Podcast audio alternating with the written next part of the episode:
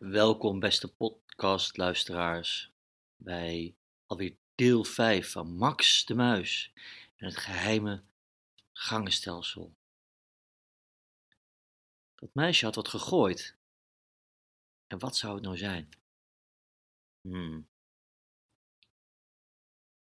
Omdat het nog zomer was, werd het pas laat donker. En met het lekkere weer zaten de mensen nog lang in de tuin. Het zou dus niet eenvoudig zijn om ongezien weg te komen en misschien nog wel, nog wel lastiger om een berichtje van dat meisje op te halen. Hmm, alles zit hem in een goede voorbereiding, dacht Max. Dus hij zette zijn Harley Davidson klaar, zorgde dat er goede benzine in zat en had bedacht dat de papiertjesactie er zo gewoon mogelijk uit moest zien. Hij belde met Lucas en vertelde dat het niet in de nacht zou gebeuren. Ik heb iets beters, iets heel simpels. Kom je ook? Nu? Hm? Lucas keek op zijn horloge. Half acht in de avond pas. Ja, nu, besliste Max. Oké, wil je me dan ophalen? Op je Harley? Dat is goed. Dus Max trapte zijn Harley aan en reed naar Lucas. Lucas sprong achterop en samen reden ze naar het verdachte huis. Lucas zag dat Max onze superheld een voetbal bij zich had. Hè? Een superheld met een voetbal, dat zie je niet vaak. Weet je, zei Max. Hij moest een beetje lachen om de reactie van Lucas. We gaan gewoon in die achter, daar achter die huis een beetje uh, een balletje trappen.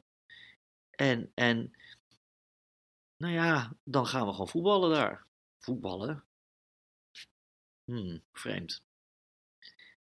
Max parkeerde zijn Harley Davidson weer op de hoek en vertelde aan Lucas wat de bedoeling was.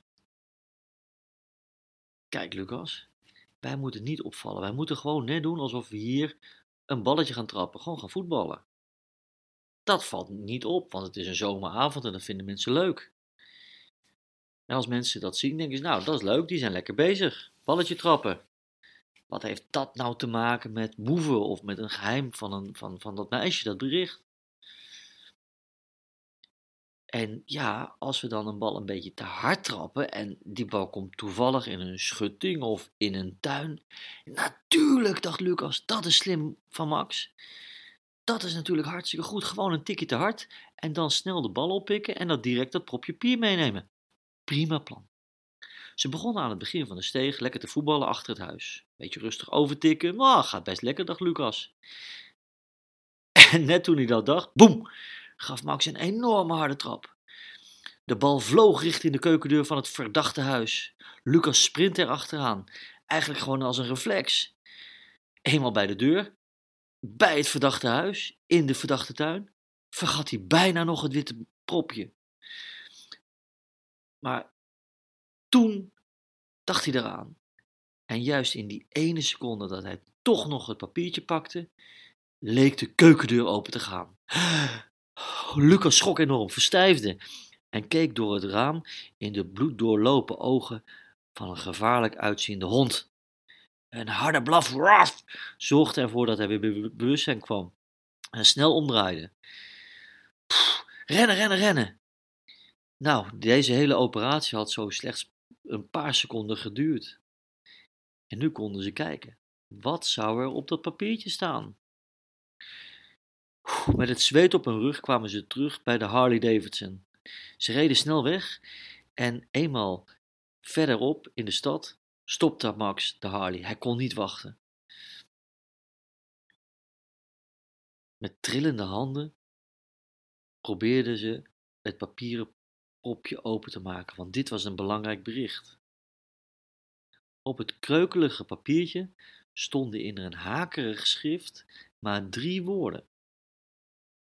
Zoek de gangen. Zoek de wat eens? riep Lucas. De gangen, mompelde Max. Zoek de gangen. Hier begrijp ik helemaal niets van, Max. Lucas pakte het briefje. Zoek de gangen, zo herhaalde Max nog eens nadenkend. Welke gangen? zei Lucas vertwijfeld. Wat bedoelt dat meisje? Max pakte zijn iPhone en tikte zoek de gangen in de zoekmachine. Meer dan een miljoen resultaten op Google. Hij voegde toe: Tromsø, dat is namelijk hun woonplaats. Geen resultaten. Hmm. Gangenstelsel en Tromsø, tikte hij in. Niks.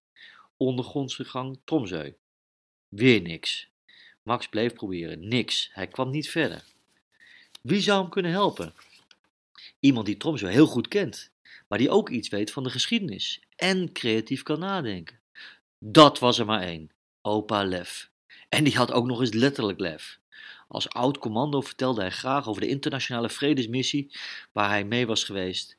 En sowieso hield opa Lef van avontuur en reizen, bijna net zoals onze superheld Max. Heel Tromsø kende hem, niet te missen op zijn luidruchtige klassieke Engelse motor. Maar Max koos voor een Harley Davidson, reed opa Lef op een hele oude Engelse motor. En al vier straten verder kon je hem vaak aanhoren komen.